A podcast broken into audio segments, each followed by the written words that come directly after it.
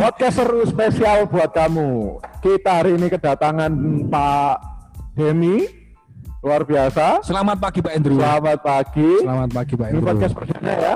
Iya Pak, ya. sekali.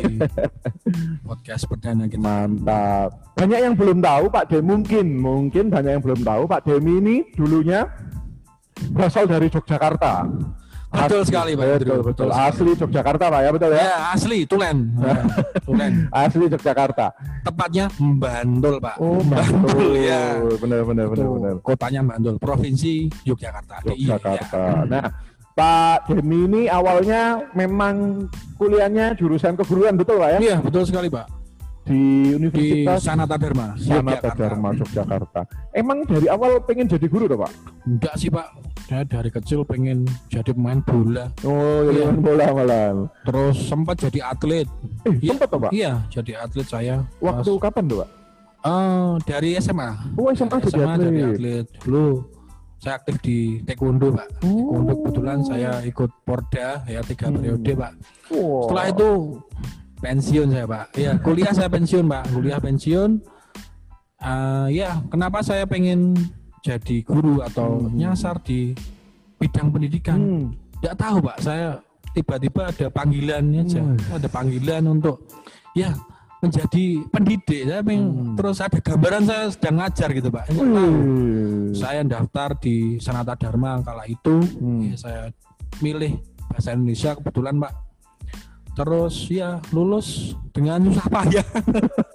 ya, akhirnya bertemu Bapak di sini ya. Berapa berapa lama tuh Pak kuliahnya Bapak? Nggak sampai enam tahun, Pak. lima setengah, lima Oh, setengah. tapi nggak apa-apa Pak. Kuliah lama itu santai. Maksud saya kuliah itu tidak hanya cari nilai, betul Pak ya? Iya, Kuliah betul itu sekali. ada pengalaman. Tapi pokok Pak nilai. tidak ya cari nilai Iya, memang yang utama, iya. tapi tidak hanya nilai Kak. Iya, Kita betul. bisa cari pengalaman, Iya. terus cari kenalan, betul ya, cari relasi.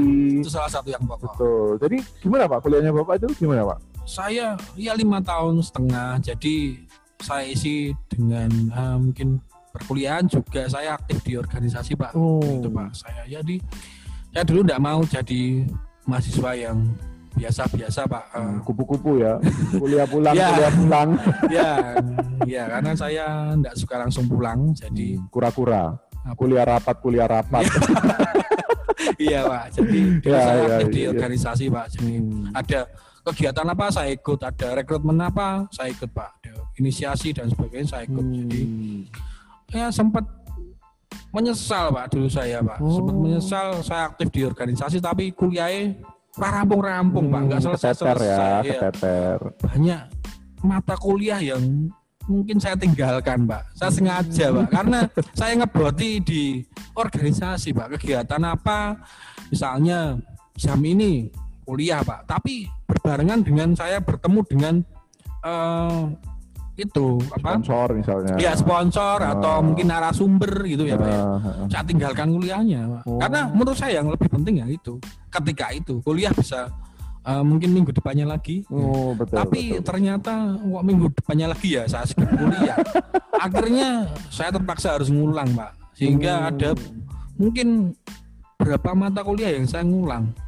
Itu saya ngulang benar ngulang karena memang nilainya kurang dari C Pak. Oh, iya, betul, karena betul, kalau betul. D itu harus ngulang Pak. Minimal C. Kalau di SMA kita dapat nilai jelek bisa remedi Pak ya. Iya bisa remet. Kalau di sini gurunya. dapat kurang dari C, be, Ah, enggak bisa udah.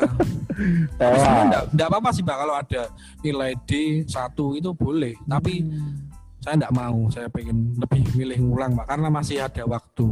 Jadi saya sempat nyesel gitu Pak. Tapi saya terus ketika lulus Pak, ya dengan susah payah, Hmm. ya, dengan susah payah. Akhirnya saya punya niat untuk menyelesaikan skripsi saya. Saya selesaikan selama dua bulan Pak selesai. Uh, dua bulan lulus, ya. ya dua bulan. Saya ya efektif dua bulan. Saya setelah lulus, saya bersyukur kuliah saya terlambat karena kegiatan aktif saya di kampus, Pak. Betul betul. Itu. Pengalaman Iya. organisasi itu penting soal. Iya, Karena kalau kamu cuma nilai bagus tapi nggak ada pengalaman organisasi, kamu biasanya ya nggak semua, tapi biasanya kamu ngobrol sama orang nggak bisa, betul pak Iya, ya, lobby lobby. relasi. Pengalaman organisasi itu penting kok, sungguhan. Kalau Iya. kalian bisa ikut tergabung dalam sebuah organisasi, bergabunglah. Mumpung masih muda, penting. Iya. betul pak ya. Iya, iya, relasi itu penting, Pak. Dulu Betul. ketika saya awal jadi maba ya, Pak ya. Mhm. Semua eh, mungkin kalau di sekolah ekstra ya, Pak ya. Mm-mm. Ekstra kegiatan kampus saya ikuti semua, daftar semua. Sampai ketika itu di jam yang sama saya ada lima kegiatan bareng, Pak. Serius, Pak. Saya dulu saya dulu udah pernah daftar jadi kan di kampus itu ada eh siap apa radio ya pak ya Hmm, saya oh, daftar radio. saya pernah daftar juga Wow. Itu daftar ya tapi tidak saya lanjutkan pak teater saya juga eh, daftar ya Tapi nggak daftar, daftar ya. tapi nggak saya. Jangan ditiru, ya guys. ya karena lama kelamaan terlalu banyak kegiatan juga susah. Saya pernah itu yang lima lima kegiatan dalam jam yang sama. Akhirnya saya skip semua. Hmm, betul, saya tidak ikut semuanya. Iya, karena iya itu lah. kita juga itu juga kita eh, belajar manajemen waktu juga Mm-mm. dari kuliah terus organisasi kita harus eh, manage waktu dengan baik. Jadi jangan sampai nanti ketika kalian eh, melakukan kegiatan di luar perkuliahan itu mengganggu kuliah kalian. Jangan saya jangan dicontoh ya. Ya, betul, Contoh betul, sampai betul. kuliah lebih dari lima tahun tuh. wah, jangan. Tapi memang ikut organisasi itu membantu dalam lamaran kerja ke perusahaan, Pak ya. Sangat, sangat Pak. Jadi eh, contohnya ketika saya melamar di Sinlui 2 ini, saya lampirkan pengalaman organisasi saya Pak. Jadi itu mungkin bisa menambah pertimbangan, jadi menambah eh, apa ya kemungkinan diterimanya Hmm, ya betul betul. di betul, suatu betul. perusahaan ya. Ketika punya pengala- pengalaman organisasi, panitiaan dan sebagainya Pak. Begitu di dalam atau di luar kampus. Atau punya prestasi ya itu bisa juga menjadi pertimbangan. Betul betul. Menarik sekali, Pak. Tapi ini, Pak, eh, kan Bapak kuliah sampai hampir lima tahunan, Pak ya, betul ya? lima tahun lebih. lima tahun Hampir lebih. enam ya? tahun, ya. Hampir enam tahun. Itu sewaktu Bapak mulai mengerjakan skripsi nggak pengen, aduh wes gak usah kuliah wes wes SMA ya SMA lah menyerah gitu ada nggak sih Pak? Pernah pak, Hmm. sering saya. Hmm. Saya saya pun ketika saya kuliah, saya beberapa kali mendaftar di eh, mendapat kerja pak. Ada lowongan apa PNS ya lulusan SMA ya pak ya, formasi SMA. Saya mendaftar pak, saya mendaftar beberapa kali, tapi ya puji Tuhan tidak diterima. Sehingga Puji saya- Tuhan ya, positif, positif. Saya terpaksa harus menyelesaikan kuliah saya. Jadi gitu pak. Jadi memang ada dilema ketika kok enggak selesai-selesai. Hmm. Eh, di samping saya juga melamar pekerjaan eh, melalui formasi SMA kan punya ijazah SMA. Terus ya saya juga curhat ke orang-orang, ke dosen juga, ke orang tua, gimana saya sampai sekarang belum lulus ya. Hmm. Mungkin terus timbul dari dalam diri saya apa yang saya mulai harus saya selesaikan. Hmm. Itu tanggung jawab saya pada orang tua terutama. Saya punya utang sama orang tua. Saya ingin orang tua saya bahagia. Melihat saya wisuda, ya, melihat saya wisuda, melihat saya lulus. Itu yang paling mendorong saya. Sehingga sampai saya lulus dan bekerja di sini sama Pak Endra. Ya. Mantap, mantap. Ya, ya, ya. Jadi memang nggak boleh menyerah gitu, Pak ya. Jangan pantang menyerah karena jika apa yang kita mulai terus kita menyerah, apa yang sudah kalian lakukan selama itu akan menjadi sia-sia. Nah. Betul, betul. Ya, ya. Terus Ya. anu, Pak, gimana caranya Bapak mengatasi rasa ya tadi aduh kayaknya nggak bisa gitu muncul kan terus gimana Ya. caranya mengatasi pak Ya kalau kalian punya kalau kalian punya perasaan seperti itu, jadi tidak percaya diri, wah orang bakal rampung. Hmm. Ceritalah pada orang sekeliling kalian. Jadi yang terdekat misalnya orang tua ya cerita sama orang tua. Kalau kalian punya pacar, ceritalah sama pacar. Mungkin pacar kalian bisa membantu ya, mungkin semoga ya. atau semoga. malah diputus. Nah, ya itu. Asal jangan dituntut, Pak. Jangan dituntut tak lulus tapi tidak membantu. Nah, itu berbeda lagi. nah itu ya. Jadi kalau punya Iya, iya. pacar ya, kalau kalian punya pacar besok mungkin ya, punya pacar, pacar kalian sedang pusing skripsi nggak lulus lulus, jangan kalian tuh hanya tuntut saja, tapi bantu sebisanya. Betul. Meskipun hanya cuma ngeprint ya, ngeprint satu lembar, tak print ini satu lembar apa apa, tapi oh jorong lembar. Nah, ya, ya ono andile ya, ada andilnya Betul, walaupun kecil. Jadi intinya- gimana, Pak, cara mengatasinya, intinya curhat curhat sama ceritalah sama orang lain mungkin orang lain tuh bisa membantu kalian jadi jangan dipendam sendiri ya terus ya kumpulkan niat juga kumpulkan niat itu itu yang bisa membantu kalian ya mengubah mungkin eh, ya perasaan tidak mampu ya rasa mungkin tidak mampu menjadi semangat ya semangat juang 45 ya gitu itu pak Mantap, mantap. Jadi gitu ya. Jadi Ya. memang cerita ke orang cerita ya. ke orang tuh penting Dapat masukan itu yang masukan dianu ya. yang berpengalaman Yang begitu berpengalaman. Wow, cerita sama yang sama-sama budrek ya mumet podo wae Pak wae ya itu Ya, ya, ya. Jadi memang begitu. Jadi cerita ya kalau Iya, dari cerita Bapak ke ya. dosen ke guru ya itu gitu. Ya, ya. Oke, oke. Terus, terus setelah Bapak kuliah di Ya. sana, lulus, lalu jauh banget Pak kerjanya di Iya. Surabaya. Iya, Wow. enggak jauh-jauh amat sih Pak. Naik motor 6 jam ya, karena saya sering naik motor Pak. Uh, Iya, sering naik motor. Ya jauh Pak. Pernah Pak Jogja motoran? Saya sendiri pernah ya? ke Malang malah. Malang saya ke Malang saya udah ya em, saya mungkin jauh-jauh ke sini ya Pak ya. saya nggak nyangka kerja di sini Pak nggak ada bayaran sama sekali ini nggak mau ke Surabaya Hmm. karena deket Sidoarjo Pak ada lumpur ada lumpur takut Pak saya Ya, ya, ya, seperti ya, itu, ya. Pak. ya nggak tahu Pak jadi saya sebenarnya setelah sidang kan Hmm. kalau kuliah itu ada sidang pendadaran ya Betul, betul. pendadaran setelah sidang berapa hari setelah sidang ini tawari pekerjaan oleh eh kaprodi saya ketua program studi saya Eh, terus itu menawarkan dua pekerjaan jadi di Jakarta dan di Surabaya di sini. Ya, saya belum tahu nih seko- sekolah kalau di sini Pak, tapi ya waktu itu saya milih di Surabaya dan man, di mana pun sekolahnya saya terima ya, saya syukuri Pak. Dengan bulan saya di sini kaget saya Pak. Eh, pertama kali melihat sekolah ini, wah gede banget empat Hmm. lantai. Di Jogja kan jarang-jarang empat lantai Pak. Oh. Gitu Pak. Kalau di sini banyak yang Banyak banyak. Iya banyak ya di sini kota besar ya. Ini gitu, jadi gitu. Jadi ya enggak enggak sengaja Pak saya enggak daftar yang lain cuma daftar di sini aja Hmm. gitu. Jadi setelah dulu ada tawaran itu terus saya eh, mengajukan lamaran di sini terus ada tes ya ada wawancara kemudian psikotes Pak kemudian ya setelah menunggu berapa lama dan akhirnya saya diterima tapi selama menunggu pun ak- saya tidak mendaftar tempat lain Pak Hmm, hanya menunggu mantap, mantap. Keren ya. emang Nah, tapi ini Pak, ini Pak. ada orang ngomong, ada orang berpendapat bahwa eh jadi guru itu nggak bisa kaya. Gimana Pak? Setuju nggak Pak? Betul sekali. Jadi kalau kalian mau jadi guru jangan jangan mengharap kaya anak-anak. Kecuali ada pengecualian nih.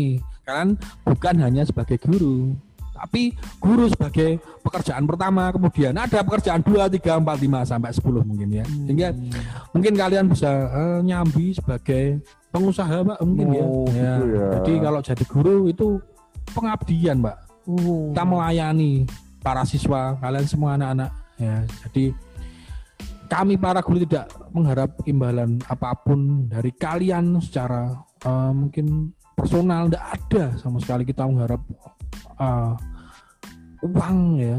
Kita mengharap uang lebih itu tidak ada. Nggak ada, ada kita pengen kaya itu tidak ada. Yang jelas kita cuma melayani digaji berapapun oke. Yang penting cukup buat makan gitu. Oke. Apalagi kalau saya kan masih eh, single ya, Pak, belum menikah, Wih. belum menikah jadi masih bebas. Ya menabung boko sewu sedina pak. Boko seribu ya per seribu setiap hari itu pak jadi kalau Mantap. kalau pengen kaya kalian pengen kaya ya boleh jadi guru boleh jadi guru tapi mungkin tidak terlalu kaya ya. Jadi kaya saya. Masih kaya saya. Ya pas-pas. Cukup cukup Pak ya. Mau makan cukup, Iya. mau bayar kos Iya. cukup, mau beli. Mobil cukup, mau ke luar negeri Iya. cukup, Wis cukup-cukupan lah lah, pas-pasan nggak perlu terlalu mewah. ya. Nah ini Pak, pesan Bapak untuk anak-anak yang mau jadi guru. Misal ini, misal ada anak yang mau jadi guru gitu.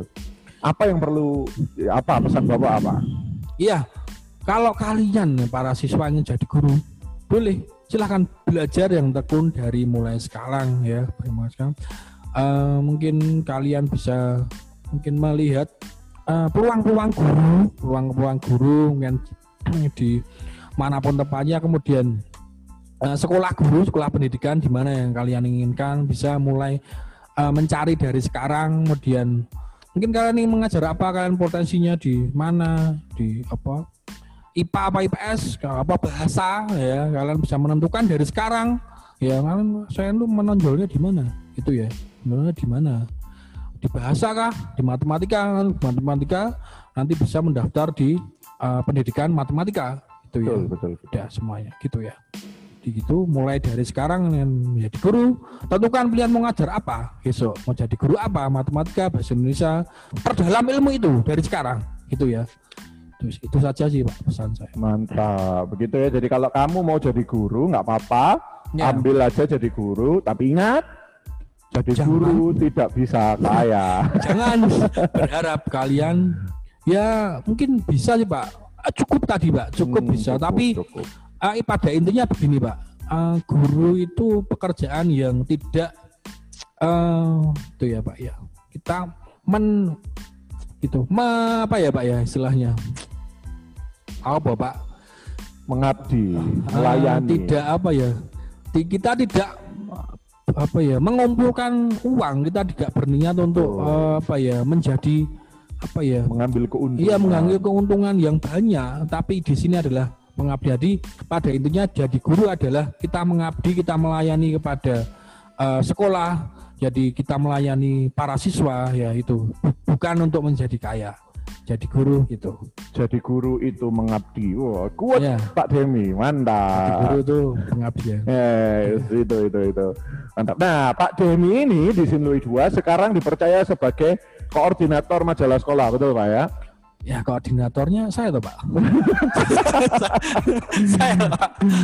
Koordinator majalah sekolah. Pak Demi kebetulan dipercaya jadi koordinator majalah sekolah. Gimana Pak pendapat Bapak menjadi koordinatornya Pak? Wah ini pengalaman baru bagi hmm. saya Pak. Karena uh, mungkin saya juga tahun lalu tidak tergabung dalam majalah Pak. Ini hmm. tahun ini kebetulan saya diberi mandat uh, menjadi koordinator. Ya ini luar biasa saya juga bersyukur uh, dapat berkecimpung di dalam majalah sekolah ini Pak. Hmm. Uh, saya berharap majalah sekolah uh, nantinya akan menjadi mungkin majalah anu yang populer se-Jawa Timur. Amin, nah, amin. Atau se-Indonesia. Nah, mungkin harapan, harapan saya seperti itu. Hmm, terus ini Pak, uh, menurut menurut anak-anak ini ada sebagian anak yang bilang bahwa ah oh, majalah sekolah Sinlu 2 itu jelek.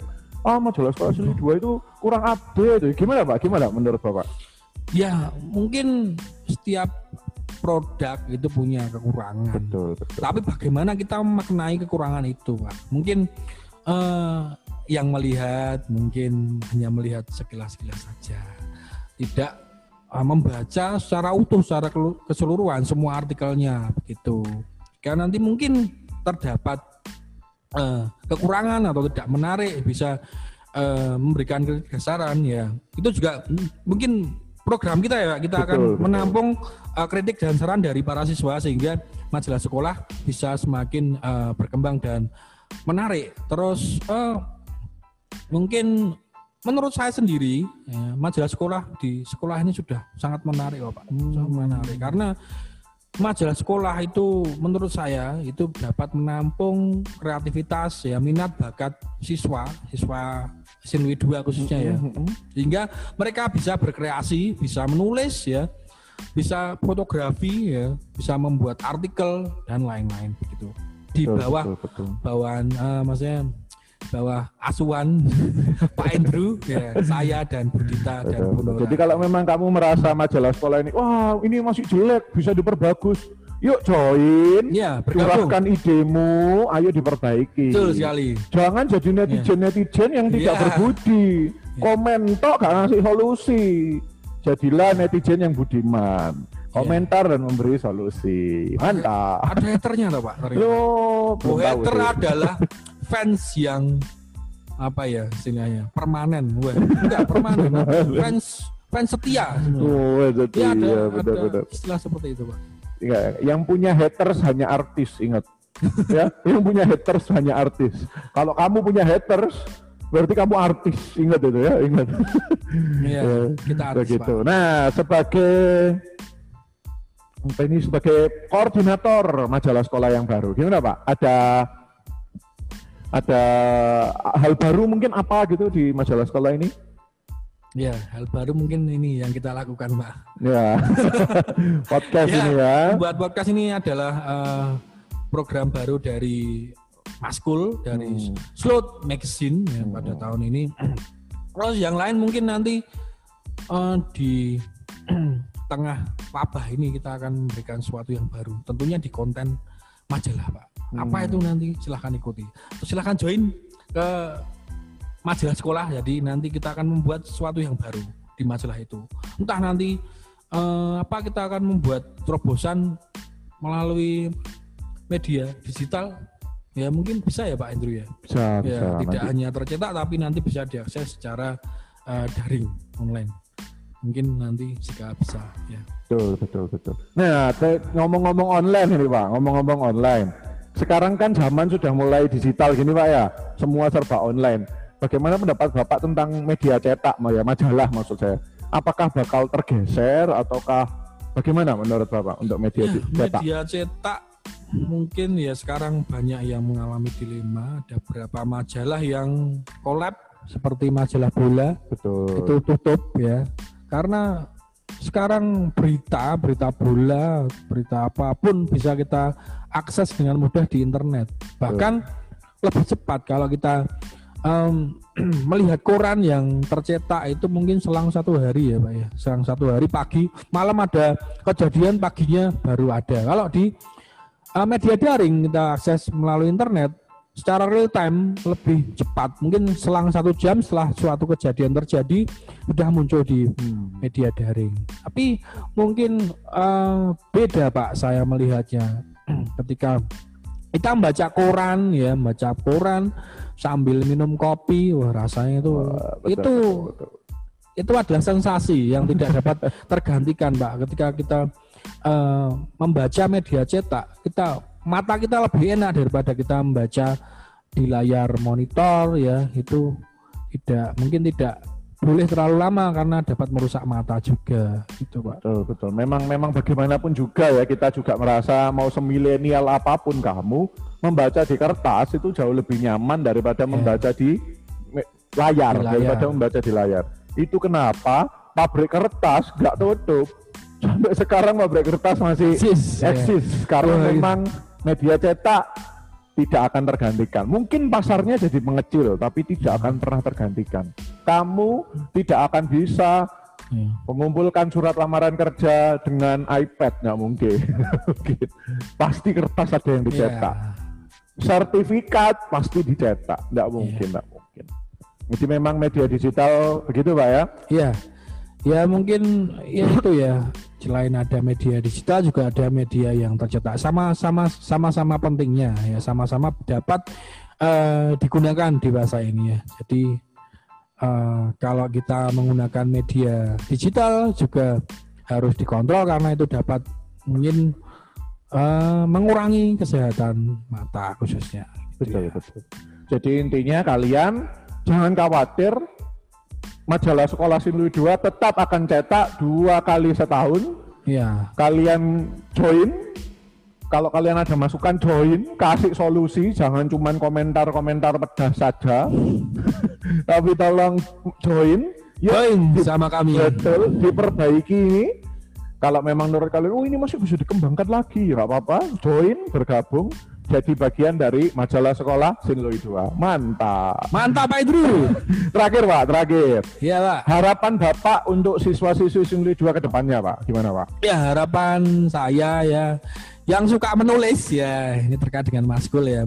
Yang suka menulis, yang suka atau suka apa hobi fotografi, yang suka desain, mari bergabung bersama kami di majalah sekolah ya. Hmm. Terus kalian terus uh, kembangkan uh, minat bakat kalian. Mungkin di luar itu ada yang suka menari misalnya, ada yang suka olahraga, tetap kembangkan itu. Atau yang menonjol di bidang akademik, ya silakan kalau nantinya ingin jadi guru, ya siapa tahu kan. Ya itu. Yang kembangkan sama belajar dengan tekun semuanya ya menghindari gara godaan ya yang mungkin uh, mungkin melemahkan minat belajar kalian ya mungkin ketika daring seperti ini ada banyak godaan ya di rumah seperti mungkin lapar males ya ngantuk hmm. atau pengen main ya karena mungkin di rumah ya bebas. Jadi kalian harus menghindari itu. Jadi ini tantangan bagi kita anak-anak. Kalau kalian terus mungkin mengabaikan itu, hmm. kalian akan jadi apa? karena situasinya seperti ini kalian tidak belajar kan jadi apa nanti ya jangan seperti itu ya jadi jangan dituruti mungkin ada keinginan yang mungkin malas-malas dan sebagainya kita harus dapat mengontrol diri kita sendiri karena Bapak Ibu guru juga terbatas dalam mengontrol kalian, mengawasi kalian karena uh, terhambat jarak. Jadi kalian yang harus dewasa dalam menentukan sikap, terus jaga kesehatan ya karena situasi seperti ini Surabaya masih zona merah anak-anak. Betul, ya. betul. Kemarin zona kuning ya Pak, tapi enggak, sekarang enggak, masih merah. Masih. Oh merah terus ya. Okay. Oh, sekarang masih merah jadi tetap patuhi protokol kesehatan dengan bijak ya. Betul, betul. Itu Pak Indru. Betul, sip. Jadi gitu ya teman-teman. Kita eh, podcast ini akan kita adakan mungkin seminggu sekali atau seminggu dua kali nanti dilihat ke depannya. Tapi yang pasti podcast ini diadakan podcast seru spesial buat kamu.